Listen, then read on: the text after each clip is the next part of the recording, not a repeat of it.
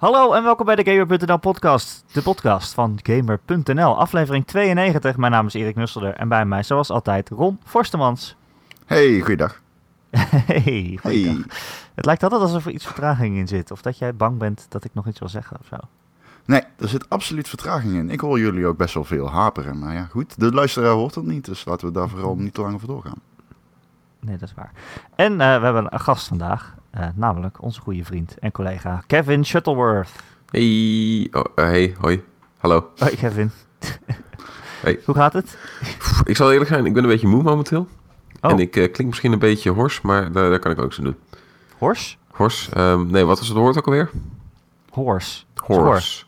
Schor, bedoel je? Ja. Zit- Schoi. Oh, sorry, zit op- schoi. Ja.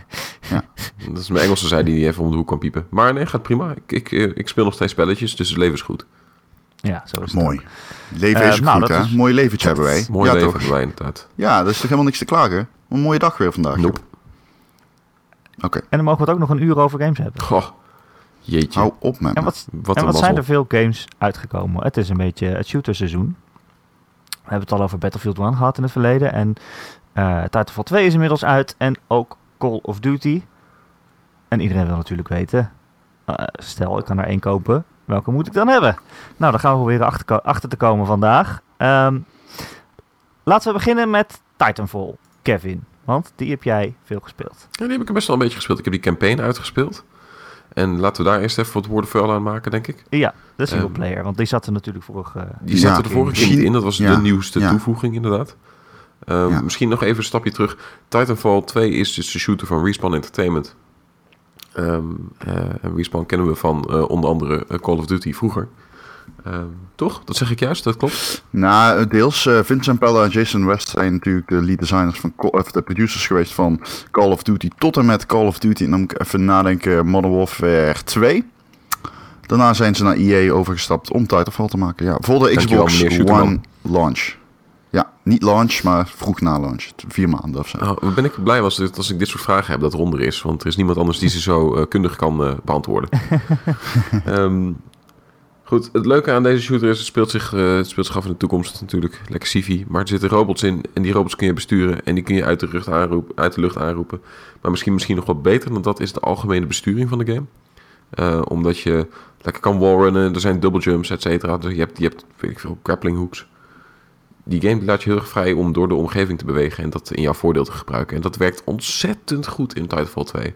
En om te beginnen werkt dat heel erg goed in de campaign. Want dat is in principe een, een, een vijf uur lange aaneenreiging van leuke situaties en scenario's.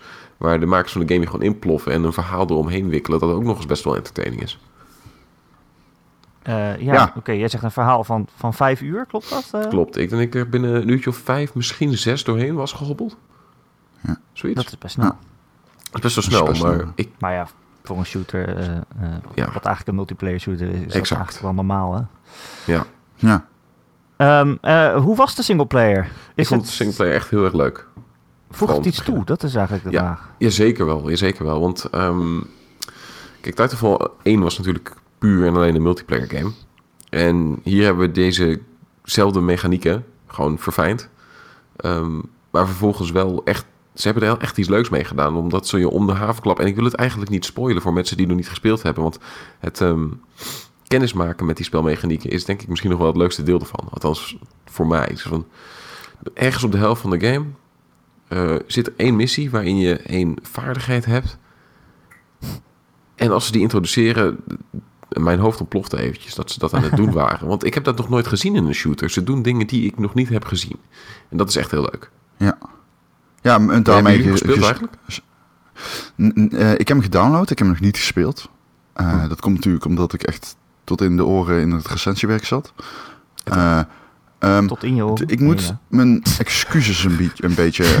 Hè, wat zei je Erik? Wat zei je nou weer? Ja, tot over je oren bedoel je. Tot over je oren. Ja, Ja. dat klopt. Tot in je nou, oren. sorry. Dan hoor je niks Ja. meer. Dat is Nou, lastig. Nou, bedankt dat je mij hebt onderbroken hiervoor. Dat was wel de moeite waard achteraf, hè? Was wel erg de moeite waard dat je dat hebt gedaan. Maar anders krijg je allemaal comments van mensen die zeggen... Die Ron die verhaspelt weer een eh gezegde.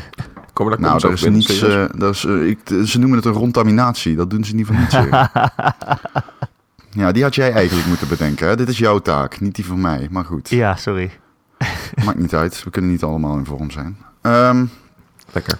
nee, ik, heb, ik heb gezegd dat, eh dat Titanfall 2 singleplayer garant gaat tegenvallen. Kijk, we praten natuurlijk veel in deze podcast. eh, en soms denk ik wel eens, hou nou eens een keer op met praten, Ron. Je praat veel te veel. Een beetje, een beetje grootheidswaanzin. Al dat gepraat. Het wordt zo'n Eh, saaie podcast. Maar het is dan. natuurlijk gewoon... Nee, maar ja, het is natuurlijk gewoon compleet... eh, ik zat er helemaal naast. Het, is, eh, het blijkt echt geweldig een singleplayer te zijn. Ja, nou goed, daar ga je dan. Wie had dat nou gedacht? Ja, ik niet. Maar wat is er dan zo leuk? Is, het, is het er ook echt een verhaal in of zo? Of is het echt gewoon... eh, Nou ja, het, het, het verhaal basically is... eh, jij bent een, een rifleman in training. Ehm, en er is een, een luitenant die jou in het geheim aan het opleiden is. En eh, dan breekt de shit uit. Oorlog. Eh, die man die heeft natuurlijk zijn eigen Titan. ehm, maar die gaat dood. eh, echt 10 minuten nadat je de game hebt gestart. En dan, dan geeft hij de controle aan jou. En ehm, moet jij het even van hem overnemen. En plotseling ben je een full-blown pilot. En heb je al deze mogelijkheden die je eerst nog niet had. En er is een verschil tussen pilots en, en, en riflemen. Want pilots dit zijn, dat zijn echt van die krijgers. Echt van die revered krijgers die alles kapot kunnen maken in, deze, in, dit, eh, in dit universum. Eh, en dan sta je, sta je ineens in die schoenen. En dan kun je ineens veel meer. En dat is hartstikke leuk. En dan per missie die je speelt... eh, wordt er iets volledig nieuws geïntroduceerd... wat het echt heel erg fris houdt. Het, het verhaal dat tikt wel lekker door. Het is niet heel boeiend. Er is een leuke, leuke eh, gespreksmechaniek tussen jouzelf en je Titan. Of tussen, weet ik veel, hoe heet die? Ehm, Jack Cooper, wat echt de meest suffe standaard naam is die ik ooit heb gehoord. Jack Cooper, oké. Ja, zo heb heet je die lang over nagedacht, denk ik. Ja, dat, dat heeft iemand minstens vijf minuten bij stilgestaan. Ja, die gespreksmechaniek is superleuk. Ehm nou, trouwens, superleuk. Sommige grapjes zijn grappig, maar het, het, het creëert in ieder geval persoonlijkheid. En eh, dat, ik ben blij dat die game tenminste iets doet om dat ehm, ja, teweeg te brengen. Wat het vooral Ja. doet, is gewoon echt elke missie introduceert weer iets nieuws en doet weer iets anders. En dat, dat houdt het gewoon fris. Het is Ja, natuurlijk wel... eh, oh, sorry. Nee, ja, ik, ik wou vragen Ron, want jij zei van, ja, je had altijd gezegd, het, het gaat tegenvallen, die singleplayer. Maar ik dacht dat het Ja. punt meer was van, he- heeft die game dat wel nodig? Want het was eigenlijk best een dappere keuze eh, voor een multiplayer shooter om te zeggen, nou ja, waarom zouden we de singleplayer instoppen? Ja, Eh, en nu kruipen ze daar toch een beetje van terug. En dan heb je nu toch zo'n zo'n vijf uur campagne met een, met een dun verhaaltje, wat, wat misschien wel lekker wegspeelt, maar je koopt het uiteindelijk niet daarvoor natuurlijk. Nee. nee. Ja. Het, eh, de achtergrond is natuurlijk ook dat eh, Jason West is natuurlijk vertrokken in 2013 met Respawn Entertainment. Bij Call of Duty Modern Warfare 2 heeft hij een groot segment van de singleplayer ontworpen. Of in ieder geval samen hij stond aan zeg maar, een beetje het hoofd van dat team. Ehm, toen moest eh, Vince Zampella het in zijn eentje doen. En in Titanfall 2 is, het voor, is er voor het eerst een singleplayer. Dus, dus hoe moesten dat, hoe, dat, dat moest opgevangen worden op de een of andere manier. En het verraste mij dat, dat, dat ze dat hebben gedaan. En dacht inderdaad van oké, dit wordt echt een multiplayer shooter puur zang. Dit is meer voor de demographics dan voor de gamers zelf, zeg maar. Daar eh, heb je gelijk in. Ehm, nou ja, goed, dat, is dan, dat is dan, blijkt dan niet het geval. Ik vind als hij goed is, ja, dan heeft hij bestaansrecht. De singleplayer. Ja, nee, het is ook zo. Ja. Ehm, maar goed, uiteindelijk gaat het eh, natuurlijk om de multiplayer, wat je het meest gaat spelen. Eh, Kevin, hoe, hoe diep zit je daarin? Mm, niet super diep. Ik denk dat ik mijn personage heb geleveld tot level 8 inmiddels. Of zo. Dus ik heb, ik heb best wel wat potjes gespeeld, maar ik ben nog niet bijster dieper in. Maar ik ga zeker meer spelen. Ik heb gewoon nog niet... eh ja, ik weet, het was heel grappig, eh, Ron. Ehm, Wat? eh, Sorry? nee? Nee, niet? Oké, ik, ik, ik dacht dat je gniffelde om een eventuele grap die je kon maken op mijn eh, goed geplaatste zin. Eh, nee, ik voelde niet. Ik dronk koffie. dat, eh, Ook belangrijk. Oh, het, is- het, is, het is weer een goede podcast, jongens. Is Ik zit er nog niet heel erg diep in dus. Maar ehm, dat, gaat mij, dat gaat zeker wel gebeuren. Ten eerste, het is een hele leuke game om te spelen. Dat, dat was al bevestigd, maar multiplayer maakt het alleen maar leuker. Voor mij is het tot nu toe eindeloos leuk om zo'n Titan uit de lucht te roepen. En is het eindel, blijft het eindeloos leuk om jezelf... En er zit een grapplehoek in. en er zit een grapplehoek in. En dat is dope. Dat is natuurlijk wel Die belangrijk. is vet. Ja. Ik, vond hem ik heb er één potje mee gespeeld. Ik vond hem heel tof. Hij is heel tof. Het is best wel leuk, want, hij, want ik had niet verwacht dat hij zo ehm, gedetailleerd zou zijn, die grapplehoek. Want wat het vereist van je is toch wel om spelmechanieken te gaan combineren met elkaar. Het is niet een grapplehoek die jou gewoon direct naar een bepaalde locatie sleept. Nee, je begint langzaam en dan kun je ook nog eens de trajectory, terwijl je zeg maar aan het grappelen bent, beïnvloeden door te springen. Het is echt Ja. tof. Het is een soort, ja, nee, het is, eh, dat is met, met alles wel een Titanfall. Hè? Die, die, die, die mechanics die zijn heel belangrijk voor de flow. En je, moet echt, Ja. je kunt echt van soort van combo's maken. En eh, ja, dat is wel tof. En die grapplehoek is daar, en die sluit echt, in één potje kun je wel zien, oké, dit sluit echt naadloos aan op al die andere spelmechanieken uit Titanfall 1. Dat is wel fijn. Dan heb je dus in plaats van dat je een, een, een, een, een, een double jump maakt, pak je gewoon die grapplehoek en doe je daarna die double jump, waardoor je nog hoger komt. En, dat wil ik ook nog even zeggen, het mapdesign lijkt daarop toegespitst. Dat vind ik ook cool. Ja, het is wel, het is wel vet inderdaad. Ik, ik was, ehm, ik weet echt niet meer op welke map het is, want ik ken geen van de mapnamen, maar ik was in ieder geval, het was, het was die map met, ehm, waar die straten doorheen lopen, met die, hui- ja, jeetje, dat kan ik ook niet Ja, uitleggen. die, die, Goed, het punt die is, met die straten moest- en huizen. Met die straten en die huizen. ik moest een hoek om. Dus ik eh, ren tegen de muur aan aan mijn linkerkant. Dan ren ik vervolgens tegen de muur aan aan mijn rechterkant. Dan spring ik. Die hoek komt eraan. Dus ik schiet mijn grapple naar zeg maar, de hoek van het pand. En dan moest ik rechtsomheen. Dus ik, ik schiet mijn grapple naar rechtsbovenin. Ehm ik had een momentum, dus ik ging al snel. En dan vervolgens doe ik ook nog eens die extra double jump in die richting. En dan vlieg ik heel mooi om die hoek heen... om vervolgens weer door te gaan met mijn wallrun en nog een wallrun. Dat is een van de tofste dingen die ik tot nu toe heb gedaan, die game. Omdat het uit het niets kwam. Ik deed het gewoon. Het was heel natuurlijk. En dat is het hele ding. Voortbewegen is super natuurlijk in die game. Ondanks dat het heel snel gaat. En dat houdt het gewoon... Ja, dat maakt het super leuk voor mij om überhaupt te lopen. Dat is iets wat... eh, Ja. wat, wat, wat weet ik veel. Dat is waarom ik bijvoorbeeld een Call of Duty en een Battlefield veel minder interessant vind. Omdat het veel traditioneler is. En daar heb ik het helemaal niet op. Ja, nee, goed. Ik weet niet of dat voor Battlefield opgaat, maar in ieder geval misschien wel voor COTS, ja. Ja, ja. Nee, dat weet ik ook niet, want ik heb hem niet gespeeld. Nee, Maar ja, ik er hoorde de laatste tijd allemaal mensen Call of Duty en Battlefield in één adem noemen. Ik weet niet wanneer dat begonnen is, maar dat zijn echt compleet onvergelijkbare shooters. Dat is echt... Nou, ik, ik zeg het nu meer omdat ze allebei in een periode van twee weken achter elkaar uitkomen. En Titanfall recht in het midden daarvan zit. Ja, dat is natuurlijk zeker waar. Ik heb trouwens, eh, nou laten we, nou ja, goed, dat zeg ik zo. Eh, maar je vermaakt je ermee, eh, Kevin. ik vermaak me. Het progressiemodel is super interessant. Het werd, er wordt, ehm, als ik het goed begrijp... Want ik heb, ik heb er even om over na moeten denken. Maar niet met XP gewerkt, maar met merits. En je kunt een aantal merits verdienen ehm, per game. één of twee of zo. En hoeveel merits je hebt... ehm, hoe meer merits je verdient, hoe hoger je level is. Dus er wordt niet gewoon met XP als je... Het, het is heel erg ontzettend positief, die game. Die is heel positief naar jou ook toe. Als jij het, eh, het, ehm, het scorescherm oproept, dan zie je ook niet hoe vaak je dood bent gegaan. Om iets te noemen. Je ziet alleen wat je hebt bereikt voor jouw team. Dat soort kleine Ja, ja. dingetjes. En dan vervolgens aan het eind van het potje sowieso ehm, je, je helemaal pseudomieteren, of pseudomieteren, helemaal eh ondermieteren met... God, ik kom echt niet aan mijn woorden. Wat is dit? Ik word helemaal gek, jongens bedelven, bedelven. bedelven, dankjewel, onder, onder leuke upgrades en camo's en weet ik veel wat allemaal. Omdat jij de, de wapens die je kiest, eh, de Titan die je kiest, die ben je aan het levelen. En hoe meer je ermee speelt, hoe meer je die levelt. En dan kun je daar ook weer extra unlocks voor krijgen. En zo blijf je wel even gaan. Dat maakt het heel erg... Ja, aan het eind van moeite het waard. potje krijg je waarschijnlijk iets. Dat maakt het heel erg de moeite waard, inderdaad. Ja, ja. Eh, we hebben een aantal reacties binnengekregen op de podcast van eh, vorige week. Toen hebben we het ook even snel over Titanfall gehad. Eh, maar toen hadden we het nog niet gespeeld. Eh Fapping Snake zegt bijvoorbeeld... top, topnaam. Wie? Wie? Wie, Die Erik? zegt... eh, Wacht even, hold the fuck up. Hoe? Wie? Fapping Snake? Fapping Wat een Snake? goede naam. Goed gedaan. Goed gedaan. Je hebt goed je best gedaan toen je moest registreren voor Gamer.nl. Je hebt goed je best gedaan. Titanfall 2 is echt een topgame. Vette actie, gelikte besturing, zeer snelle gameplay en alles loopt super vloeiend. De singleplayer is gelukkig iets langer dan die van Battlefield 1, maar zeer vet. Het wordt nog moeilijk deze game tijdelijk weg te leggen aankomende donderdagnacht. Eh, ja, dat was natuurlijk toen eh, Call of Duty uitkwam. Eh Duty. UniPro81 die zegt: Ik ben geen Call of Duty speler, maar ik vond Titanfall heerlijk spelen. Wel de campagne op normaal uitgespeeld in één dag. Ja, dat is natuurlijk wel snel. Multiplayer geeft me heel erg een Call of Duty gevoel van wat ik daarvan gezien heb in filmpjes. Ja. Is dat zo? Zijn die een beetje met elkaar te vergelijken? Ja, natuurlijk. Ja. Ze, zijn, Ja. ze, spelen, ze draaien op dezelfde engine, dezelfde spelsnelheid. Zeker te vergelijken. Ja. Absoluut. En inderdaad, je hebt nu ook de double jumps, et cetera. En het wallrun, dat hebben we ook al gezien in Call of Duty inmiddels. Ja, die vergelijking is wel te trekken. Eh Garia666 die wil weten: hoe houdt Titanfall zich ten opzichte van Call of Duty? Is natuurlijk een goede vraag, want iedereen was bang Goed bruggetje, dat Erik. Ondergesneeuwd zou worden. ja, ze worden me gewoon aangereikt. eh, Ja, ze worden je echt aangereikt.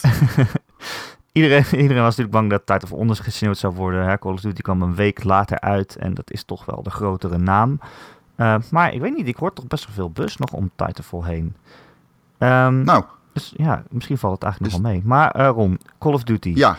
Jij hebt ja. die dan weer uh, uitgebreid gespeeld, Infinite ja. Warfare. Zeker, ja. Kan die een beetje meekomen? Uh, nou, ik heb een Titanfall 2 nog te weinig gespeeld om daar iets over te zeggen. Maar ik vind het een hele matige Call of... Een hele matige... Ik vind het teleurstellende Call of Duty game.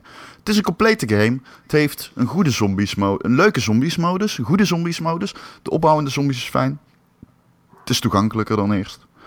Uh, de singleplayer doet wat het moet doen. Ja, het is een knalactie, achtbaanrit, popcorn, film, flik, mainstream, explosie, Michael B. ruimtespektakel avontuur. Met heel veel boze mensen. We... Heel, ik, ja. ja, wat sorry? Ja, laten, we, laten, we daar even op verder gaan op die singleplayer. Uh, want het nee, laten we daar vooral niet te lang op verder gaan. In de ruimte. Is het leuk dat het in de ruimte is?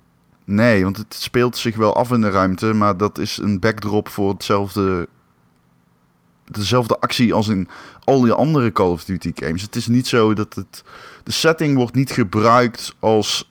Um, om, om iets in. Om zeg maar mee te spelen, om mee te experimenteren. Het is gewoon, de setting is meer een excuus voor een ander verhaal. En dat is een hmm. beetje jammer, want het heeft geen invloed op de gameplay. Je hebt natuurlijk zwarte gaten, granaten en dat soort uh, futuristische ongein, maar dat heeft geen echt impact op de gameplay of zo. En dat is wel een beetje jammer. Dat is een gemiste kans. Nee, waar de crux zit is de multiplayer, Erik. Uh, het lijkt wel alsof, en dat schreef ik ook in de recensie, alsof Infinity Ward zijn bestaande achterban gewoon niet wil teleurstellen. Dat ze zich gewoon moeten uh, ze zijn zo verankerd in die licentie en die basis van Call of Duty. Dat ze dan. Het lijkt net of ze er niet meer onderuit kunnen. En het, ik, zeg, ik schreef van. Die, die feel van COD. Van, en dan, die, die was ooit revolutionair. Dat was echt een zegen voor de game-industrie en voor het shooter-genre. Maar het lijkt nu vooral een vloek voor die makers zelf. Je hebt echt het gevoel dat zij gewoon geen creatieve vrijheid hebben gehad. En ik vind dat heel erg jammer. Harry, riep, of Harry zei toen een keer in twee podcasts geleden volgens mij van... Uh, borduurt het voort op, zeg maar, extrapoleert de technologische vooruitgang? Ja, dus dan is het een sci-fi game. Ja, nou ja, goed, dat zou misschien kunnen. Maar het is echt de meest basale sci-fi die je maar denken kunt. Het heeft geen impact op de gameplay. En dat soort dingen vind ik wel een beetje jammer. En, maar dat is maar een voorbeeld.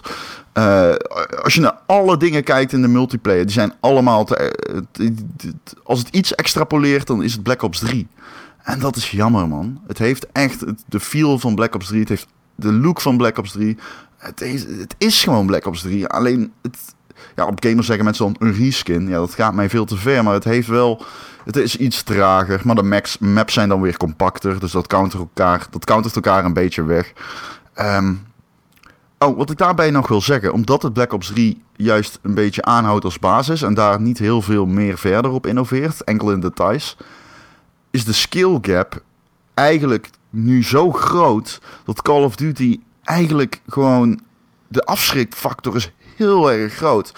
Als jij die game speelt als iemand die de laatste keer bijvoorbeeld Call of Duty Black Ops 1 heeft gespeeld, dat is vijf jaar geleden of zes jaar, je bent echt, je, je stapt in een shooter die gedomineerd wordt door mensen die ook Black Ops 3 hebben gespeeld. En de gewenning is er, die is nou, er is nauwelijks sprake van, er, je hoeft eigenlijk niet te wennen als je Black Ops 3 hebt gespeeld, omdat het gewoon zo erg daarop voorborduurt, dat je meteen aan de slag kunt en meteen kunt ownen. Nou ja, dat maakt het natuurlijk een, dat maakt een hele hoge instapdrempel. Maar dan zeg je eigenlijk dat het nadeel van de game is dat mensen die het elk jaar spelen er beter in zijn dan mensen die dat niet doen. Nou, Call of, Duty, is een mainstream shooter en moet een breed publiek aantrekken. Maar kijk je echt detailistisch naar welk publiek het aantrekt, dan valt dat dus heel erg tegen. Omdat je gewoon aan het spelen. Ik zat op dat recensie-evenement in Londen en er was één iemand bij die kwam, uh, die, die schrijft voor de site XGN. En die was insane goed. Die was veel te goed. Die heeft gewoon de Duitsers om 9 uur naar bed gestuurd. Die zijn gewoon gestopt. Die hadden gewoon, dat was gewoon niet meer leuk. Ja, maar dat is natuurlijk wel een beetje een nadeel. En dat heb ik uh, online. Uh, de, ik heb dat nou ook niet even gespeeld. Ik heb dat meteen weer ervaren. Ik heb hem ook weggelegd. Het is, het is gewoon niet leuk. Het is niet zo leuk. Er niet iets in van dat je met mensen speelt Zit er niet iets in dat je met mensen speelt die even goed Ja, die hebt, ja, precies. Ja, dat klopt. Maar eh, ik kwam er ook wel achter dat dat na tien potjes al een beetje weg hebt. En dan zei je hebt, Oh. eh, eh, hoe heet dat ook? Ja, dat heeft een naam. Inderdaad, dan word je gematcht met mensen van jouw kaliber. Maar ja, dat werkt deels goed. Mensen kunnen ook onderweg joinen. Hè. Je kunt friends joinen in een public potje. En dan kan het nog altijd betekenen dat je bij iemand terechtkomt die dan heel erg goed is. Of ja, goed, in ieder geval. Dat, dat, dat is geldt voor iedere shooter. Dat is niet per se een nadeel. Ik wil enkel zeggen dat nadeel is nu groter dan ooit. In Call of Duty. Ja. ja, dus ik moet hem Ja. niet on- online gaan spelen. Nou, ik denk dat jij heel erg afschrikt als je hem online. Ik denk dat het jou afschrikt. Ja, maar dat heb ik altijd al gehad bij Call of Ja. Duty's. Ja, maar dat nu ik meer zo snel, zo slecht ben, dat ik eigenlijk niet, niks kan doen. De laatste Ja. paar Call of Duty's die ik heb gespeeld, heb ik denk ik een paar potjes gespeeld. En dan gewoon gelijk gestopt. Omdat ik denk van, nou ja, dit gaat, dit gaat hem nooit worden. Dit gaat hem gewoon niet worden. Waarom tijd gaan besteden? Ja. Maar goed. ehm, ja, en toch heb ik hem gekocht opnieuw in de winkel. Voor, eh, ik, Oh. ik, ik heb er 80 euro voor betaald. En eh, ik hoor in mijn omgeving dat dat heel veel mensen, heel veel mensen dat hebben gedaan. En dat is Hè? toch wel een beetje het dingetje. Nee, ja, ik heb hem niet. eh, ik koop meestal games. Ik, ik vind het dat. Ik hou er niet van om aan een uitgever om een exemplaar te vragen. Dat. Maar ehm, Oh. ja, ik heb hem gekocht en in mijn omgeving heel veel mensen. Ik heb gewoon 80 euro betaald voor Modern Warfare Remastered. Wat een game Ja. is dat. Legendar. Dat is echt Heb een van de beste niet- games ooit gemaakt. Zonder enige twijfel. Heb je dat niet gewoon die game eigenlijk vooral voor de Modern Warfare gekocht? Ik zeg toch, ik heb 80 euro betaald voor Modern Warfare Remastered. Ja. Ja, Ja, dat is ik dus heb die andere nog niet eens geïnstalleerd. Ik heb hem niet eens er geïnstalleerd op mijn. Ik heb, niet eens ik heb een paar potjes gespeeld op de PlayStation. eh, maar daarna heb ik hem niet eens meer geïnstalleerd. Kan ik iemand anders heb ik een paar potjes gespeeld. is Nee, dat dat kan niet. kan Nee, nee, nee, kan niet. En je Oh, kan hem eh, niet zonder disc van Infinite Warfare spelen. Dus, eh, Oh man. Kijk, dat Ja, wil ik echt best maar- wel graag spelen nu. maar dat is, Goede herinnering aan ja, dat snap ik. Ja, het is om zonder enige twijfel een van de beste games ooit gemaakt. Als je hem eh, nog nooit gespeeld hebt, kan hem spelen. Garant dat je hem beter vindt dan Infinite Warfare. Het is magisch. Het is zo fijn. Oh man. Als je een, als je, ik ga het niet helemaal uitlichten, maar als je erover wil lezen. eh, op Gamer heb ik een preview geschreven over de remaster die ik toen had gespeeld in september op de COD XP-beurs. 6 september, half 11 is dat artikel online verschenen. Lees die nog eens na. Eh, het is bijna bijkans emotioneel of zo. Omdat een, spel kan zo erg goed zijn dat het iets bij je losweekt. En eh, dat, ja, Modern Warfare 4 doet dat natuurlijk. Dat is zo'n legendarisch goed spel. Eh, ja, zo mogen er meer zijn. Maar dat bewijst natuurlijk ook dat... Ja, dan ga ik toch weer refereren naar mijn recensie. Dat is een beetje flauw. Maar ja, daar staat alles in. het zou Call of Duty, dat is het bewijs dat Call of Duty een beetje afscheid moet nemen van zijn basis, van zijn kernkwaliteit. Je moet die kernkwaliteit wel in stand houden, want daarop is die fundering geënt natuurlijk. Ehm, maar je, je, moet wel een beetje, je moet zorgen dat je niet stilstaat. Stilstand is achteruitgang. En daarmee kan Battle, of, eh, daarmee kampt eh, eh, Call of Duty nou heel erg, met zijn nieuwe deel althans. Dat zie je ook aan de concurrentie. Die streven ze gewoon, ze worden gewoon voorbijgestreefd. Eh en kijk naar Call of Duty 4 ten opzichte van Call of Duty 2. Daar zag je innovatie. Dat de- die game getuigt van visie. En als je hem nu speelt, denk je nog steeds... holy fuck, dat is slim gedaan, dat is slim gedaan. En dat heb je gewoon niet meer bij COD. En ehm, ik vind dat zielsjammer. En eh, ik hoop heel erg dat ze met het volgende deel besluiten om terug te gaan. Of gewoon naar het verleden of naar de hypertoekomst. Het interesseert me niet. Als je maar gewoon durft te sleutelen aan wat eh, tien jaar geleden als basis is neergelegd. Hè, je moet weer een stap, een grote stap vooruit maken. In plaats van twee kleine, Ja. te- één, te- één, één stap vooruit en twee stappen terug. Ja. Dat schiet gewoon niet op. Er zijn natuurlijk drie studio's die aan die serie werken, uh, om de beurt. Wel, welke is dat Ja. de volgende aan de beurt? Sledgehammer. Hm? Sledgehammer. Oké, en, en want, want welke hebben die de vorige keer gemaakt? Was dat Ghost? Advanced Warfare. Oh, Oké. top. Die vond ik wel goed. Tot op zekere hoogte. Nee, ik vond die matig. Maar ehm, ja, goed. Ja, want het is natuurlijk, zij hebben dan Advanced Warfare gemaakt en daarna gaan ze bezig aan de Call of Duty die drie jaar later uit moet komen. Ehm, het is dan de vraag hoeveel van de feedback van nu ze dan mee kunnen nemen natuurlijk. Ja, hij, kijk, eh, als je kijkt, eh, ik heb even op Metacritic gekeken, gekeken. Ik heb best veel recensies gelezen. Hij krijgt gewoon een 81 gemiddeld. en Hij krijgt best, ik, ja, hij krijgt best goede kritieken, ook de multiplayer. eh. En ja, nou ja, goed, eh, dat houdt het ook een beetje in stand natuurlijk. Hè? Als mensen maar blijven kopen, ja, dan, dan is er ook geen reden om hem aan te passen.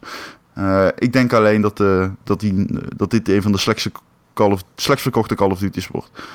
Dat denk ik echt. Ik denk dat mensen er een beetje klaar mee zijn. Ik kan me in ieder geval niet voorstellen dat mensen er niet klaar mee zijn. Ik heb hem echt gespeeld. Ik heb er, e- er zitten echt leuke elementen in Infinite Warfare, maar ik was er echt, echt, echt wel klaar mee na twee dagen. Ehm, maar wat jij wil zeggen is, ze kunnen die kritiek niet meenemen. Mm, ik denk dat dit wel in de lijn der verwachtingen lag. Dat deze Call of Duty een beetje tegen zou vallen. Ik denk dat Activision dat wel wist. Ik sluit niet uit dat Sledgehammer eh teruggaat naar de Golfoorlog, naar de Vietnamoorlog, naar de Tweede Oorlog, Tweede Wereldoorlog, Eerste Wereldoorlog. Ik weet het niet. Ik denk, eh, die roep is er al langer natuurlijk. En ik denk dat ze daar wel gehoor aan gaan geven. Denk ik echt. Het zou, eh, mocht er een Black Ops 3,5 weer uitkomen, dan, ja, dan misschien dat ik wel gewoon zeg, ik recenseer hem niet. Want ik vind hem echt, ik vind hem niet leuk. Ik vind hem gewoon niet meer zo leuk. Ja, ja. Maar ja, weet je, de basis is wel altijd... eh, Ja, het is altijd hetzelfde wat jij zegt, maar... Weet je, jij geeft ook uiteindelijk ook een 7. En dat, is, dat betekent wel dat het wel een goed spel is. Ik bedoel... Het, is Het wordt gered nou- door de zombies-modus en deels door de singleplay-modus. Als die tegenvalt, eh, als die ook zou hadden tegenvallen, dat het geen compleet pakket was geweest, dat ook een bepaalde... Want het zakt niet door de ondergrens of zo. Het is niet zo dat het op een op een gegeven moment een lopen van de ene buk in de andere.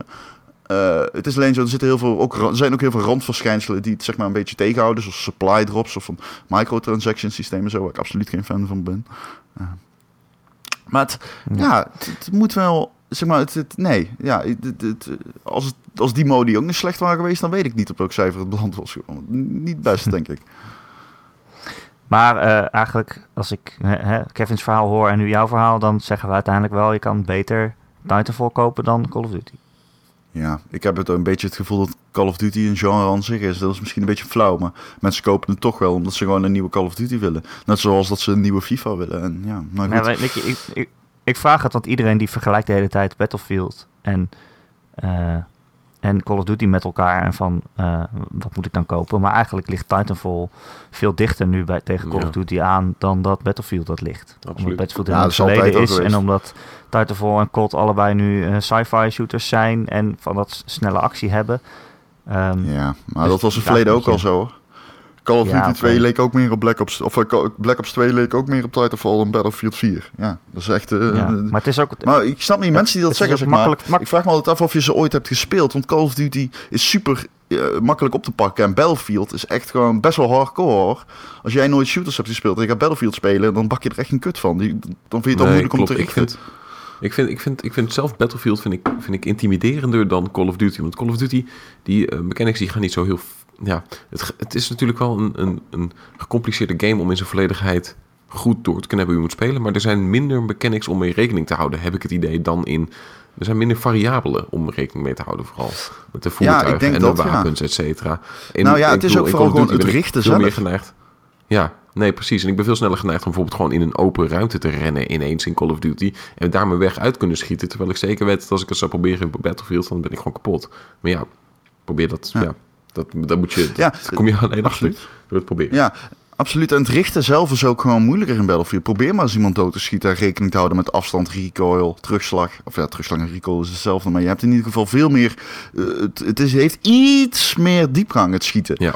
Nou, iets meer, veel meer. Nee, veel meer diepgang het schieten.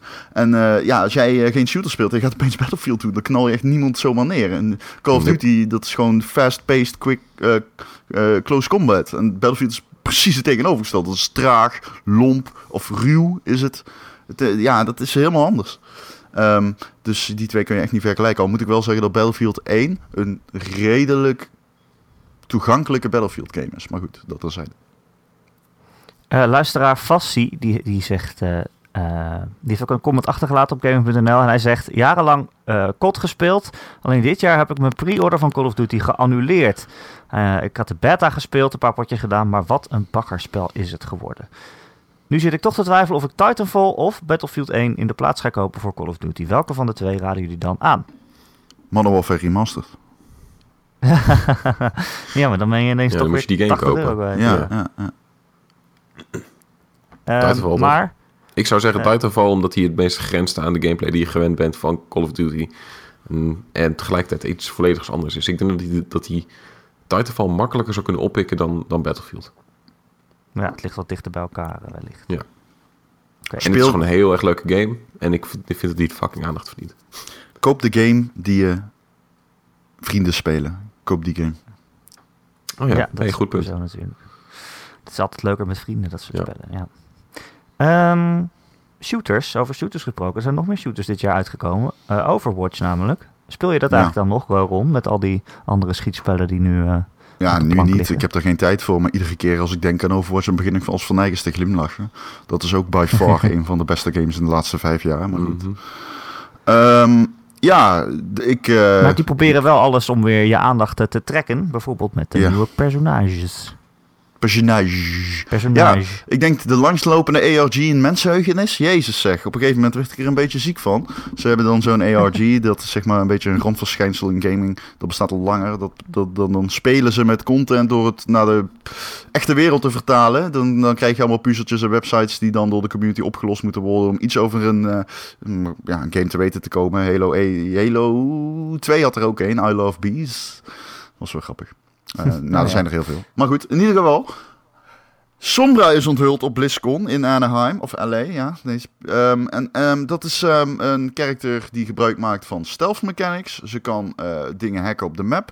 Ze heeft een EMP waarmee ze iedereen's powers opeens kan laten wegappen. Reinhardt verliest zijn shield. eh, mensen verliezen hun, ja, gewoon hun, hun equipment, zeg maar. Turrets die Nou, houden op met bestaan. Ja, het is van fucking fantastisch. Ik, ik kan niet wachten. Haar invloed op de meta, want het is een haar. Ik denk dat haar invloed op de metagame heel erg groot gaat zijn. En eh, dat komt omdat ze als support een soort van mogelijkheid heeft om mensen uiteens uit hun comfortzone te trekken.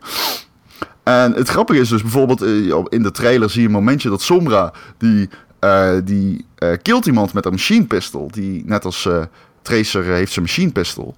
Eh, Dus je voelt hem al aankomen. Ik ga sowieso met eh, Sombra spelen. Want ik ben een groot fan van Tracers eh pistol. Maar zij gaat eh, of in die trailer gaat zij op een gegeven moment... dan schakelt ze naar onzichtbaarheid. En dan komt er een McCree aanrennen. En die denkt, oh, ik pak even die helft op. En Sombra hackt dan die helft kit. Waardoor ze McCree hem niet op kan pakken.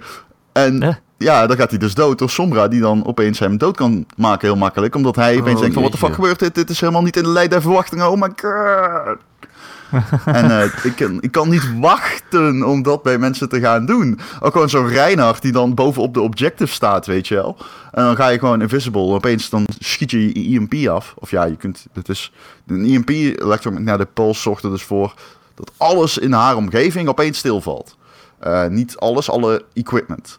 Dus eh, wat ik al zeg, Reinhardt verliest zijn shield. eh, Bastion wordt uit zijn turret getrokken.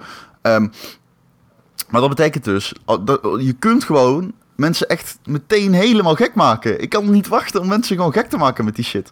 Dat je zo'n Reinhardt opeens zijn shield wegziet. Ja, die, weet je wel, hij denkt dat hij veilig is. En opeens ligt hij onder vuur en is hij het tegenovergestelde van veilig. Nou ja, er zijn weinig characters die mensen zo in extreme kunnen laten doen verschillen in, in zo'n kort tijdsbestek. En Sombra is daar min of meer in gespecialiseerd. Wat haar echt een heel ongewoon, maar ook wel heel, ja, heel interessant personage maakt binnen die metagame van Overwatch. Maar Ja, het lijkt me wel Ja, sorry. Het lijkt, nee, het lijkt me leuk dat, hè, dat die game is nu, wat is het, een half jaar uit of zo. En mensen weten Ja. ongeveer, Ja. Je weet wat je kan verwachten en je weet hoe, hoe het werkt. En dat ze dan na een half jaar tijd zo'n personage introduceren die gewoon, eigenlijk gewoon weer heel veel onverwachte dingen eh, in de game stoppen. Niet alleen voor de mensen die met haar spelen, maar ook voor de mensen die tegen haar spelen. Dat is eigenlijk best wel knap, vind ik. Ja, dat is echt superleuk gedaan. Is de, eh, wat denk jij, Ron? Zit de balans er een beetje in? Het klinkt, wat, wat, wat Ja. je nu allemaal zegt, het klinkt allemaal vrij heftig. OP. Ja, Ja. het is een beetje overpowered. Dat is wel, eh, dat is wel de, de, de, de indruk die ik kreeg. Dat las ik ook wel een beetje Wat, online. zit er een, een lengte aan de hacks die zei, hoe werkt dat? Kijk, Reinhardt schild wordt uitgeschakeld. Check, Ja. dat begrijp ik nog. Maar is dat dan voor Ja. een bepaalde duur? Eh, hoe lang? Ja, het is zeg maar zo. Je hebt zeg maar die special powers. Die bouw je op door mensen te killen, objectives te voldoen. Mhm. Bij haar is dat dus die EMP. Wat ik zei net, die schiet ze af. Dat is niet zo. Ze ontploft en alles in haar omgeving wordt uitgeschakeld. Alle equipment. Ja. Ehm, ik weet niet hoe ver die radius is. Hij leek best groot. Ehm, ehm, de, de lengte van haar onzichtbaar kunnen zijn, Mhm. leek best klein. Dat, ik had de indruk dat het echt maar drie seconden was, twee seconden. Ze heeft daarnaast de mogelijkheid om een zender neer te gooien, waar ze op ieder moment naar terug kan. Dus dat is min of meer teleporteren. Als je snapt wat ik bedoel, ze gooit iets weg, een soort van portal. eh, Ja. Doet En Tracer kan- niet soort van hetzelfde? Ja, Tracer heeft de mogelijkheid om terug in de tijd te gaan. Wat betekent dat ze midden inderdaad. ehm eh, nou, zeg maar, Sombra zou in theorie haar zender eh, vooruit kunnen gooien en daarheen te teleporteren. Oh, het is in Ehm, principe gewoon een teleportatiedevice. Ik heb het hier dat een ander Het is een personage portal, heeft. Maar zo moet je het zien. Ja. Ja, dat klopt, er is een portal. Zo moet je het een beetje zien, ja. Eh, Het betekent gewoon, je gooit iets op de grond en op ieder gewenst moment ga, kan je teruggaan naar die plek. Juist. Maar je kan ook vooruit gaan naar die plek door hem vooruit te gooien. Snap je? Ja, En dat kan het. Tracer ook. Tracer heeft een dash, waardoor ze vooruit kan. En Tracer heeft ook de mogelijkheid om inderdaad terug in de tijd te gaan. Wat de coolste mechanic is sinds mensenheugenis in gaming. Vind ik. Maar, oké. Die zit trouwens ook in Call of Duty. Maar goed. En het, het- ja, nou goed, dat is dan het eh, basale principe van Sombra. Eh, maar ik kan er niet heel erg uitweiden over hoe de lengte is, hoe de balans is. Want ja, dat moet zich allemaal bewijzen. Als, Nee, die- precies. Moet als, ze ze, uitweiden. ja, als ze deze week al live gaat in de, in de live servers. Ja. Ja. Heel veel mensen die vragen ons eh, aan de podcast... eh, hè, welke shooter moet ik nu kopen? Call of Duty, Battlefield, eh Titanfall. Maar moeten ze niet gewoon Overwatch kopen dan, Ron? Overwatch is een van de beste games ooit. Nou, dat is misschien... Ja, Ja? vind ik wel. Ik heb hem echt zo hoog Nou, aan. Man, ik word helemaal gek hè, van die game. Ik vind het zo fantastisch. Ehm, het, het kan zich voor mij meten met wat tot, ja, Team Fortress 2 deed toen de tijd. Is dat een rare vergelijking? ja, nee, nee, zeker niet. Maar het is ook niet Team Fortress 2 hoor. Dat, eh, dat Nee, het, het is ook zeker niet Team. Fortress 2, maar qua impact. Ja, misschien wel. Ja, ja, ja.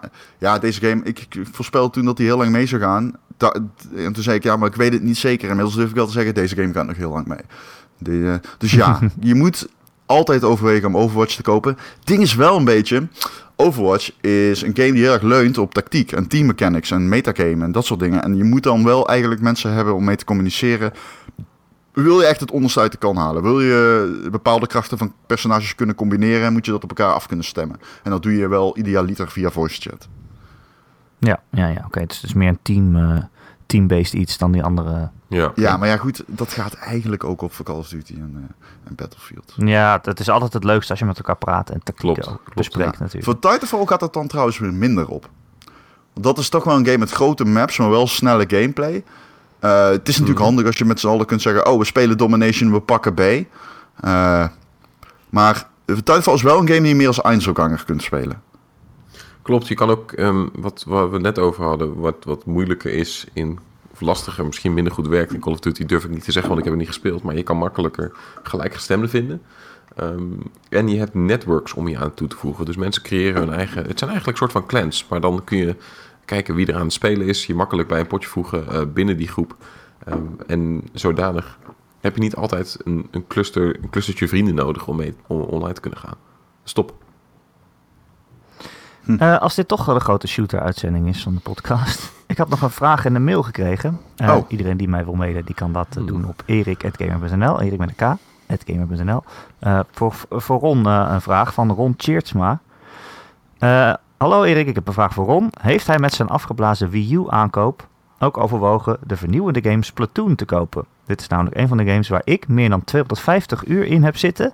En ik ben rec- recentelijk overnieuw begonnen. En, en het is een game voor de Wii U. Goed, Ron. Ja. Ron. Ja. hey Ron, ik heet ook Ron. Haha. Heb jij geen, grappig. want we hebben natuurlijk heel vaak gehad over dat we bijna een Wii U hebben gekocht. Heb jij geen spijt dat je eigenlijk nooit veel Splatoon hebt gespeeld? ja, wel. Ik schijnt, het schijnt een hele leuke game te, zijn. Ik kan er alleen niet over meepraten, want ik heb hem niet gespeeld. Ik weet alleen eh, van Thijs Baanhaag dat het een eh, toffe game is. Ehm, ik moet wel zeggen, ik weet niet of het een shooter voor mij is. Ik vind de core mechanic niet heel erg interessant, moet ik eerlijk zeggen. Ja, dat, dat, dat is een beetje spel waarin je het, ja, het- level spel, van de tegenstander moet kleuren met, met, met verf. Ja. Ja, en je, je hebt wel een paar cool toffe dingen, hè? natuurlijk in Splatoon. Maar het, ja, het, het is niet iets dat mij direct trekt. Ik ben een beetje... Nou, dat is trouwens niet waar. Ik wil zeggen, ik ben een tikkeltje conservatief in mijn shooters. Dat is niet echt waar. Maar mijn achtergrond ligt bij Rainbow de- en Ghost Recon. En dan is Splatoon nou niet per se... Niet dat ik daar geen... Niet dat ik dat niet zou kunnen spelen of niet leuk zou kunnen vinden. Maar het is niet zo dat dat voor mij ooit een system seller kan zijn. Of het moet echt geweldig zijn. Als dat zo is, ja, dan heb ik iets misgelopen. Eh, Maar het is niet iets waarvan ik direct zeg, nou, ik ren naar de winkel om een Wii U te kopen. Mario Nee, Kart als heeft dan straks, veel meer eh, voor mij bijvoorbeeld. Als hij straks op de Switch komt, Ja, dat, dat zat ook wel dan maak ik misschien de switch van naar de die Switch. console. Nou ja. dan kan je altijd nog Splatoon kopen natuurlijk. Ja, dat kan. Ja, nou, ik ben benieuwd. Het, het, het, het is niet zo dat ik er niet, eh, wat ik al zei, het is niet zo dat ik er niet benieuwd naar ben. Het is alleen zo de drempel voor mij om te spelen is een beetje hoog. In mijn omgeving ken ik eigenlijk niet echt heel veel mensen met een Wii U. Eh, en de mensen die ik wel ken hebben geen Splatoon. Ehm, dus dan ga ik niet naar de winkel om hem te halen. Eh, ja, dat is gewoon een beetje... Ja. Zo simpel kan het soms zijn, zeg maar. Ja, ja, ja zeker. Ehm, weet u wat ik heb gedaan deze week? Gisteren zelfs. Mm, Nou, Ik vertel. ben naar de gamewinkel gelopen. En ik heb Ja een. PlayStation 4 Pro besteld. Zo. Hey, lekker man. Hey, Wauw. goed En die gedaan komt man. deze week uit. Dus Ben je een dat is- Ja, is toch lekker? Zo. Daar is niks mis mee. Deze week komt hij uit, de donderdag. Het is natuurlijk die nieuwe verbeterde PlayStation die ook eh, eh, enigszins in 4K eh, games kan tonen. En anders wel andere games mooier maakt of een stabielere framerate geeft. Eh, ik weet eigenlijk niet waarom ik het besteld heb. Het is Ja, best wel een vertel me want- 400 euro. Je geeft 400 euro uit aan een, een, aan een iets krachtigere versie van de PlayStation 4. Je hebt natuurlijk een, een eh, PlayStation VR, net als, net als Ron en ik. Ja. En ehm, daar zijn er sowieso wat verbeteringen, toch? Ja, nou, eh, ja, weet je, het is allemaal zo eh, abstract. Sony zegt nooit echt exact van wat, wat er dan beter is en hoeveel Nee, het dat dan had ik beter ook. is. Het is heel vaag. En ineens is dat ding, li- ligt dat gewoon in de winkels. Ja, maar ze hebben zeg maar een lijst vrijgegeven van alle games die met de launch eh, eh, verbeteringen hebben. Dat zijn er een stuk of 30. En dan voor het eind van het jaar komen er dan nog 45 bij, zeggen ze. Ehm, maar eh, voor het grootste deel is het gewoon een, lijst. En je weet niet wat er dan precies beter Exact. is. Dat is een beetje raar. Ehm, ja, nou ja, bij, bij VR-dingen kan het heel veel schelen, denk ik. Kijk, je zit natuurlijk nog steeds met dat het scherm van de VR zelf. Het- ja, het is geen 4K-scherm, dus 4K Nee. zal het nooit worden. Uh, maar mooier en scherper kan het, kan het zeker nog zijn. Uh, en als ik zie dat spellen als Riggs uh, en Tumper, ja, dat die er allemaal tussen staan, dat, dat die toch echt wel mooier gaan worden. Mm -hmm. um, dan denk ik wel dat het wel verschil maakt. Want zeker als je nou, ik heb vooral Thumper dan gespeeld in zowel VR als niet VR. En het verschil is toch wel heel erg groot. Uh, dat zie je al als je het spel opstart en het logo ja. van de developer komt in beeld. De eerste keer in VR dacht ik, hè, wat, is, hebben ze een soort retro uh, logo gemaakt of zo? Met, met al die, ja, uh, dan, zit je ook, dan zit je ook nog wel in cinema mode, hè? Ja, ja, dat is wel waar. Maar, maar toch, uh, ja, het verschil is toch wel echt wel groot. Ja, ja klopt. Um, ja. Dus ja, ja, ik weet niet, als ze, als ze dat echt goed kunnen inzetten, die extra processorkracht om, uh, om dat iets mooier te maken, dan denk ik dat het zeker voor VR meer scheelt van hoeveel je, hoe immersief een spel is. Juist. Ja. Want uh, dat is voor okay. mij de grootste reden om er eentje te halen. Heeft. Ik heb geen 4K-TV en die ga ik ook niet binnenkort halen. Nee, nee, en dat is dus het andere ding, dat ik inderdaad een 4K-TV heb. En dat ik me niet kan voorstellen dat ik straks... Dat was eigenlijk het ding. Ik dacht eerst van, oké, okay, misschien wacht ik tot februari of zo, als Horizon uitkomt, weet je wel. Dat ik, dat ik hem dan uh, een PlayStation 4 Pro erbij haal. Maar ik, ja, ik zat te denken, ik kan me gewoon niet voorstellen dat ik straks Final Fantasy 15 ga spelen. Niet in de mooiste versie, weet je wel. Dat is dat je gewoon op je gewone tv, dat ik een 4K tv heb en dat ik weet dat ik, dat ik het in 4K zou kunnen spelen, maar dat ik dan gewoon dat kastje nog niet heb gekocht. En dan nee, ga je dingen krijgen. Ik heel goed begrijpen. Ja, ik, ja ik ben, want ik dan ga je dingen krijgen als ja. je. Mag ik even een uh, zijstraatje nemen naar Final Fantasy 15, Erik? Ja. Ja. Wat jij wil. Die game, ligt het aan mij of dit, dit wat ziet die game er kut uit? Is dat, ik, Echt? ik speel dat soort games niet, maar dat ziet er zo kut uit. Is dat normaal? Bedoel je qua graphics of? Nee, gewoon, gewoon qua het gameplay. Het ziet er echt gewoon uit alsof er gewoon echt geen reet aan... Ligt dat aan mij of zo? Of, uh, of is, bestaat dit sentiment? Uh, ja, kijk, uh, we hebben natuurlijk die demo's gehad. En daarin was toch eigenlijk wel mijn grootste kritiekpunt ook dat die combat gewoon best wel saai was. Het was één knop Ja, inhouden Ja, en af en toe precies. kun je dodgen. Uh, maar wat Ja. ik uit previews begrepen heb, is dat de gameplay wel onder handen is genomen sinds die tijd. En dat er wel iets meer tactiek in Ja. zit. Kijk, je kan, je kan gewoon vechten, je moet uh, uh, worpen. Dus je, je kan dan je zwaard weggooien en die hangt dan aan een lantaarnpaal en dan transporteer je jezelf daarheen. En dan vanaf daar kan je dan weer een nieuwe target uitzoeken uh, om weer aan te vallen. Um, ik moet zeggen, ik weet nog niet precies hoe het werkt. Maar kijk, Oké. Final Fantasy is natuurlijk eh, van oorsprong een JRPG, uh, turn-based. Uh, Ja. Ja. Dus het is, en het is heel grindy altijd geweest. Dus heel Ja. vaak hetzelfde doen. Eh, om steeds weer sterker te worden en weer verder te komen in de wereld en in het verhaal.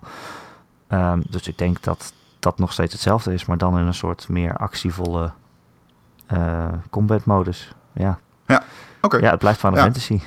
Ja, ik, heb dat, ik zeg dat omdat ik laatst die eh, E3-trailer, nee, gameplay, eh, weer even terug zat te kijken. En dat is wel echt, eh, dat is zo matig dat je bijna niet kan Ja. geloven dat mensen hierop zitten te wachten. Tenminste, ik niet. Dat is dat ene met die, met die eindbaas of zo, toch? ja, dat die met ja, die dat armen is gewoon loopt, eh. echt, eh, dat, ja, nee, dat- sorry, dat ja, ik weet niet of iemand hier die beledigt, maar dat ziet er echt, eh, dat ziet er bijna lachwekkend slecht uit, zeg maar. Ja, nee, ik, ik dacht inderdaad.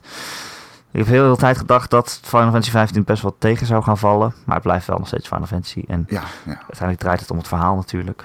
Ja. Ehm, maar ik lees nu ook allemaal dingen van previews van eh, mensen die de eerste 15 uur hebben gespeeld of zo. En dat valt allemaal toch nog best wel mee. Ze zijn best wel Oh, positief. nou, kijk, dat is top. Oh, dat is Ja. top. ja. ja, dus Ja. eh, ik heb er eigenlijk wel heel erg zin in. Het was toch ook zo dat, dat die game vrij slecht demonstreerde op bepaalde plekken. Maar dat als iemand er net iets langer bij zat, dat het gelijk allemaal verdween. Was sneeuw van de zon. Dat Nou is ja, dat het, is een game, eh, het is een game van weet ik veel hoeveel tientallen uren. En dan Ja. ga je dan één stukje uitzoeken. En dan pak je net het verkeerde stukje. En zo'n Ja. saaie eindpaas. Wat misschien leuker is als je het zelf speelt. Maar Nee, exact. Dat was, niet, demo dat was is misschien niet niet de beste demonstratie eh, die ze konden geven. nee, het demo moet niet goed. Ehm, maar dat wil ik dus natuurlijk wel in de mooiste versie spelen. Want Uiteraard, eh, ja. je kan over de game- gameplay zeggen wat je wil. Maar het ziet er best wel mooi uit. Qua graphics. Maar ja, hoe lang moeten we het over Eh, de PlayStation Pro hebben eigenlijk? Want er is Ja, eigenlijk geen niets idee. over te Ik wil zeggen. eigenlijk vooral eh, volgende week vertellen of ik het verschil echt zie. Of Laten niet. we dat afspreken. Ja, exact. Ik ben wel benieuwd, want ik heb een VR-bril. En net als jij vind ik het vervelend dat ik niet de mooiste versie van die games kan spelen. Eh, terwijl ik weet dat dat beschikbaar is voor mij, eventueel. Als ik het inkomen heb en het uit, en het kan uitgeven en het kan missen. Ja. Stiekem Zoals- wil ik hem namelijk. Ik heb hem ooit in de pre-order gehad, dus heb ik hem weer uitgehaald. Oh. Ik had er ook bij een gamewinkel waar ze dan een inruilactie hebben. Dat je je oude PlayStation voor. En dan krijg je 150 euro korting. 150 Dat is- euro voor alles Ja. erbij, kabels, Dat HDMI, controller. Ja, gewoon alles wat je bij je PlayStation kreeg toen je hem kocht. Dus controller en kabels en het kastje. Ben je Ja. net zoals ik bang van andere mensen? Is dat de reden dat je hem niet gewoon op marktplaats zet? Ik eh, vind dat veel werk, ja. En dan krijg je allemaal van die Ja. eh, lutsers die eh, reageren met... eh, ik bied 50 euro. En dan zeggen ze, ik kom hem vanavond ophalen en dan komen ze niet. En dan... Ja, daar heb Moet daar je weer andere dus echt kopers totaal ik heb afhouden die iets eigenlijk- verkocht. Ik heb zo'n Ik heb nooit iets verkocht via marktplaats. Lijkt me echt super En eng. bovendien denk ik niet dat ik voor een launch PS4 heel veel meer ga krijgen dan 150 euro tegenwoordig. Met, Nee. waarom, ik bedoel, waarom gaan mensen nog zo'n oude PS4 kopen als je er tegen kan kopen waar 1 terabyte in zit? Maar Of het gaat dus om alles, het totaalpakket. Je levert hem in met controller, met HDMI, met stroomkabel. Precies. Oké. Maar dat, ja, ik weet niet hoe jouw controller er eruit ziet, een- maar die van mij is compleet afgeracht. Er zit niet eens rubber meer Ja. op Ja, de vak inderdaad. Nee. Er zit één scheurtje in het rubbertje, dus ik vraag me af of ze daarover gaan zeuren. Maar eh, Ja. Nou, dat zien we het wel. Ja, je hebt Ehm, hem al ingeleverd, toch? Nee, nee, dat moet ik nog doen. Ja, oké. Oh, Oh, zou mag ik je dan dat op maar de dag van release doen of zo? Eh, ja, ja, ja, dat mag. Dat zou chill zijn, want En ik zat te denken van, ah, dat wil ik filiaal, eigenlijk ook wel doen, maar dan kan ik gewoon niet een, week lang op mijn PlayStation 4 spelen. En dan denk ik, ah man, dat is niet oké. En over welke Ja, franchise zo- hebben we het? Het is niet alsof we hier bij de publieke omroep zitten. Dus welke winkelketen is het? Eh, de Game Mania was dat. Oké. Oké. Ja, die waren eens even bellen met ze. ik hoorde in de podcast dat... Ehm Ik werd Eh, laatst nog- herkend in de game media. Holy fucking shit. wat je herkent. Wat een moment. Zei, ben jij Ron Vostermans van Inside Gamer, zeiden ze. En Inside Gamer draag ik Oh. een eh, warm hart toe, maar ik ben toch meer van gamer. Maar ze herkennen mij van Inside Gamer. Goed. Wat een moment was dat. Zijn, Ja. Hebben jullie dat ooit gehad, dat je herkend bent omdat je zo beroemd bent in gaming? Nee, nog niet. Ik, Zit nee, ik te had het ook. Ik, eh, ik was flabbergasted. En ik denk dat mensen gewoon bang zijn als ze maar tegenkomen dat ze nog gewoon starstruck zijn. En dan, eh, ja. Ja, Weglopen. Jij Ja, ziet er ook wel het. echt fantastisch uit in het echt. Met dat kapseltje en zo. Jij bent wel echt een imponerende man. Klopt. Kevin ook. Ik ook overigens. Dat mag ik best Jullie, van jullie mezelf zeggen. allebei. vind ik. Ik vind jullie sowieso imponerend. Dankjewel, jij dankjewel. bedankt. Nee, jij bent imponerend. Onze eh, grote vriend van de show, Marky Mark, die schrijft ons eh, op gamer.nl. hij zegt, hey, yo man, een mooie podcast weer. Goed vooral hoe jullie met VR omgaan. Zodat duidelijk wordt dat jullie enthousiast zijn, maar ook aangeven dat het nog in een vroeg stadium zit en dus nog niet voor iedereen is. Ik laat het daardoor nog even liggen tot een volgende generatie. Ik heb ook nog wel een vraag voor de postbus. Zijn er singleplayer spellen die jullie steeds opnieuw hebben gespeeld, omdat ze zo goed in elkaar zitten dat je ze niet weg kon leggen, zelfs na het uitspelen? Eh, zelf zegt hij, Vice City en Dark Souls heb ik beide tenminste vijf keer rondgespeeld. Jeetje, dat is vaak. Ja, Oeh, eh, Vice City oh, ook man, nee, game. ik denk Halo. Halo Combat Evolved. Die heb ik misschien tien keer uitgespeeld. zo. Er was een tijd dat ik dat elk jaar deed. Elke zomer dat ik die game weer opstart. Dat is wel heftig, ja, dat is echt al veel. Eh, Ron, Ja? Nee. heb jij Eh, zo'n The game die Witness. je... The Witness. Maar verder Ja? niet echt, nee. Ja, ik ben meer een multiplayer. Ja. Daar zit voor mij ook meer replaywaarde in. The Witness, absoluut. Maar die kon ik niet zo goed opnieuw opstarten nadat ik er klaar mee was. Omdat ik alle puzzels al had opgelost. Ja, dan weet je Ja, ik speel hem altijd met een nieuw iemand. En voordat ik het weet, ben ik hem dan negen uur achter elkaar aan het doen. Dat is. Eh man, wat is dat een goede game. Oh, telkens als ik eraan terugdenk, word ik helemaal gek. Nou, het is gewoon een fantastisch gamejaar. Ik, eh, ik kan nog steeds... Het is insane hoeveel goede games eruit zijn gekomen dit jaar. Ja, dat is echt, wel fantastisch. Ik en ben- ook verspreid over het hele jaar. The Witness, Overwatch, Battlefield 1, Titanfall 2. Overigens, daar wil ik nog eventjes iets over zeggen. Erik. Mag dat nog even op de valreep? Ik, Ja, eh, vroeg, ik heb de hele week lang heb ik mezelf gewoon geteisterd met nadenken over waarom heeft EA Battlefield en Titanfall 2 in een tijdspanne van een week na elkaar uitgebracht. En ik denk dat het is omdat ze met Titanfall de niche pakken en met Battlefield de mainstream doelgroep en zo een blok kunnen zetten ten opzichte van Call of Duty Infinite Warfare. Want een andere reden kan ik niet bedenken. Nou, ik dacht dus meer dat Titanfall eh, spelers moest wegsnoepen bij Call of Duty. Ja, omdat dat die meer op ook. elkaar lijken. En dat Battlefield misschien een, een ander soort shooter-fan aanspreekt. En dat ze daarmee eigenlijk meer een groter deel van de markt kunnen pakken door ze allebei uit te geven. Met een niche bedoel ik de hardcore Call of Duty doelgroep. Dat moet ik misschien Oh, nog even oké. erbij Dat zeggen. is toch niet echt een niche?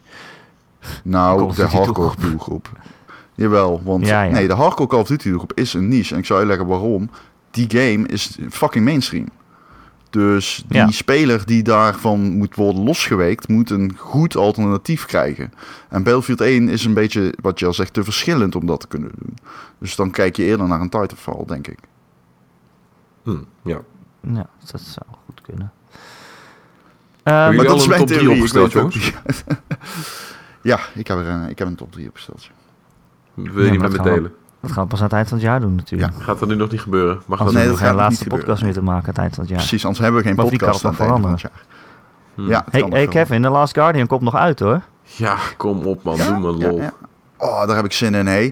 Daar heb ik Serieus? zin in. In die kat, eh, katvogel eh, met zijn eh, oren. en eh, die ene, hoe heet dat? De kleine mannetje? Hoe heet dat mannetje ook alweer? Heeft hij een naam? Heeft Ja, ik weet niet. Is ik denk dat hij vast drie letters The heeft. Wanderer? Kleine mannetje, toch? Ja, Kai of zo zal hij wel heten. Of Ori. Ben je nu sarcastisch. Ron? Ja, ik ben best sarcastisch, ja. Het kan een hele leuke game zijn.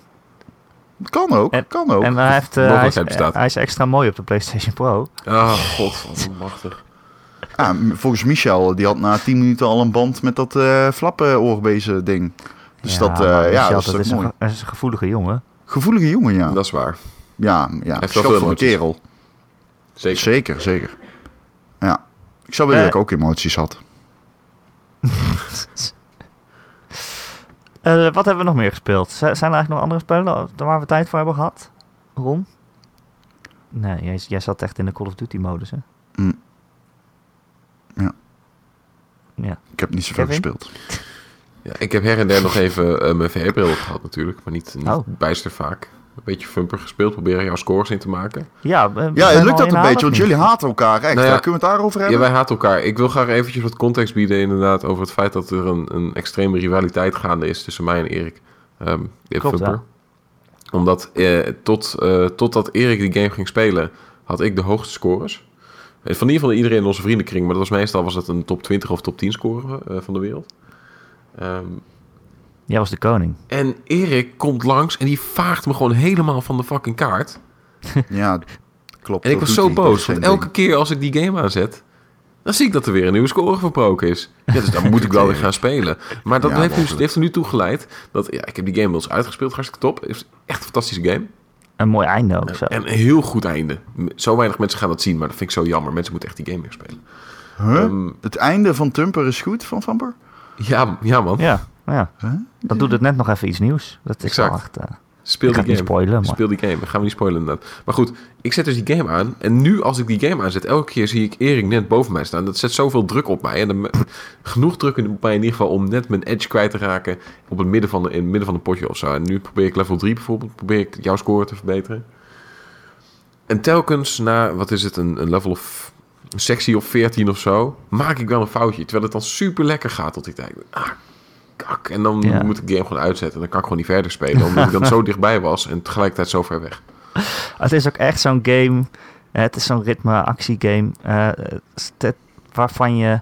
Ja, die levels die duren soms wel 10 minuten of, zo. En je ja, langer jongen, tijd- die Ja, duren langer gauw nog? 20 of 30 minuten hoor. Echt zoveel? Echt levels 8 en 9, die duren lang.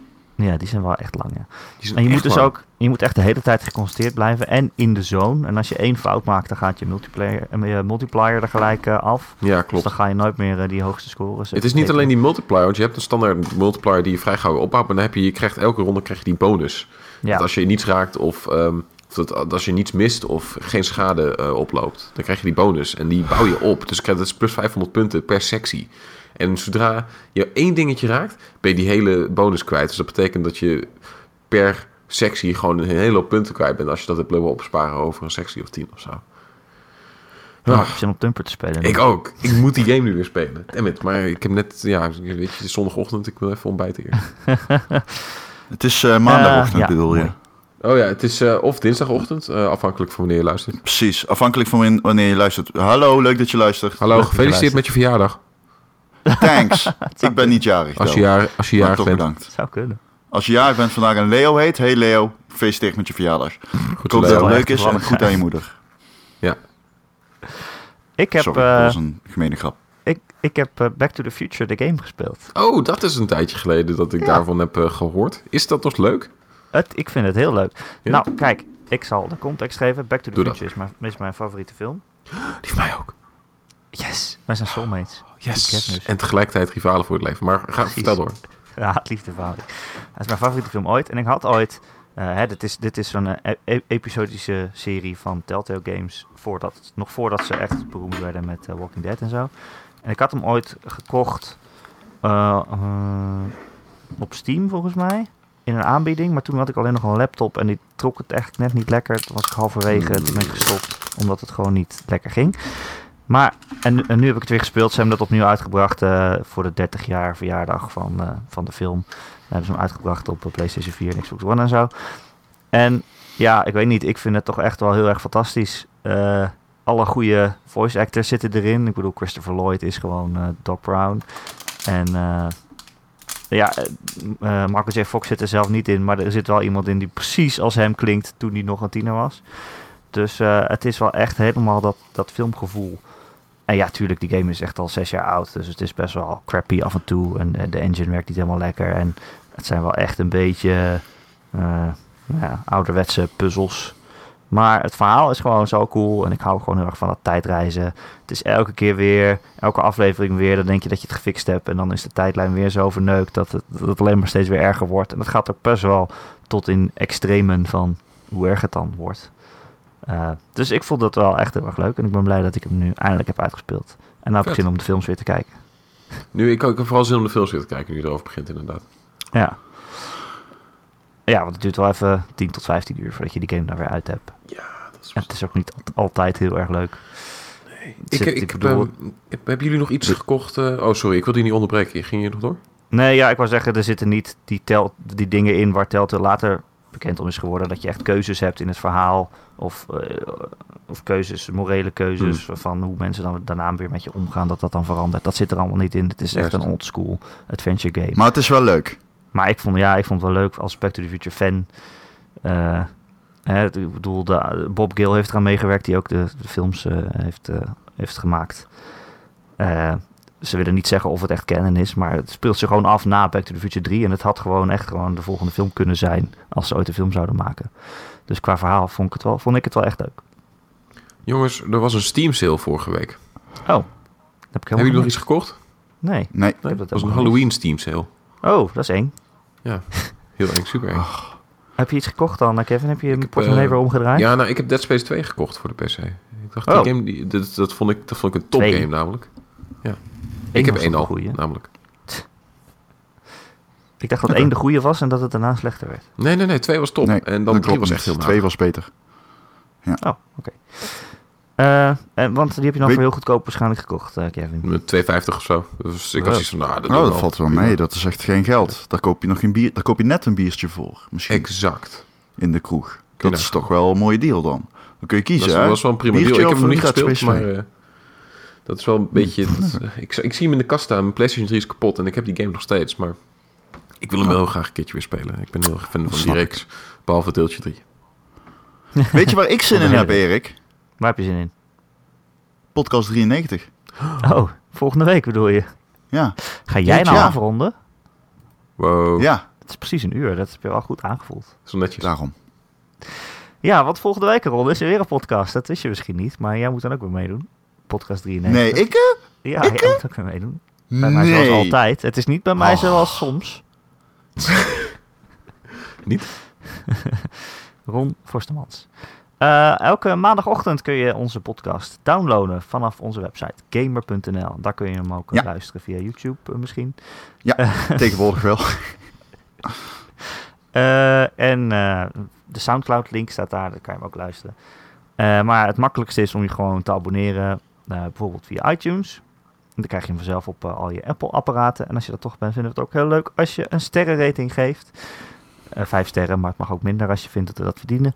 En je kunt er ook een Ja. tekstje bij schrijven dan eh, eh, wat Kan. je van de Ik podcast vind het vindt. altijd leuk. Ik lees het altijd. Ik ook. Ik vind het leuk. top. Ja, is leuk top. hè? En Dan het lees je echt mensen die zeggen van... eh, ja, ja, ja. Is dat zo? Ja. Oké. Ja. Ja, het helpt Nou, ook echt. Want dan komen we hoger in de lijstjes en dan krijgen we Exact. meer luisteraars. En dan is iedereen blij. Ah. Ja. Ah. Ja. En maar we zijn ook gewoon te vinden op andere podcast apps en feeds. eh, als je gewoon Zoals een normaal Pocketcast. mens met Android hebt. Zoals Pocketcast. Pocketcasts, Overcast, alles casts, castcasts, kast. Kast, kast. Castcast. Ja. Daarin worden alle podcast apps eh, verzameld in één app. Dat is heel handig. Ja. Eh, heb je een vraag eh, of een opmerking voor de podcast of een onderwerp dat je graag wil dat wij een keer behandelen? Dan kun je mij mailen. erik.gamer.nl Erik met een k. Erik met een Batman Of- logo. Oh, sorry. of je laat gewoon een berichtje achter, eh, een reactie achter onder het bericht waar je de- deze podcast vindt op maandagochtend op gamer.nl. En dat is wel leuk, dan zijn we vaak een beetje aan het chatten. En, nou, gezellig. Ja. Kevin, dankjewel dat je de gast wilt zijn. Nee, jullie, jullie, ik kan het niet meer. Jullie bedankt. Nee. Uiteraard. Nee, ik heb er eigenlijk ook geen jij mag kracht meer gewoon voor. dank in ontvangst bedankt. nemen. Hoeft bedankt. niet Per se, Erik, gewoon bedankt. Erik, bedankt. Kevin, jij ook bedankt. Erik, uiteraard Ron, bedankt. enorm Altijd bedankt. Ja, nee, geen dank. bedankt. Ik doe dit ook graag. Dank, Ik vind het eh, leuk. Erik, je bent een echte pro. Ehm, veel plezier ermee.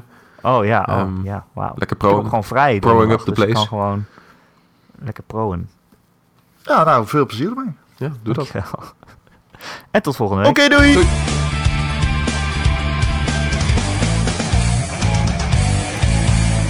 Doe het. Ja, ik, heb koffie, jongens. Wat hebben jullie voor drankje ingeschonken? voor deze Helemaal niks, want er liggen nog twee mensen te slapen in dit appartement. Dus ik kan nergens naartoe. Serieus? Oh, Wat?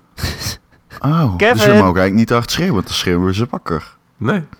Kevin, ik kan heb- je iets harder praten? Ik heb een koptelefoon op sterf, Erik. Kevin? Wat mal. Ja,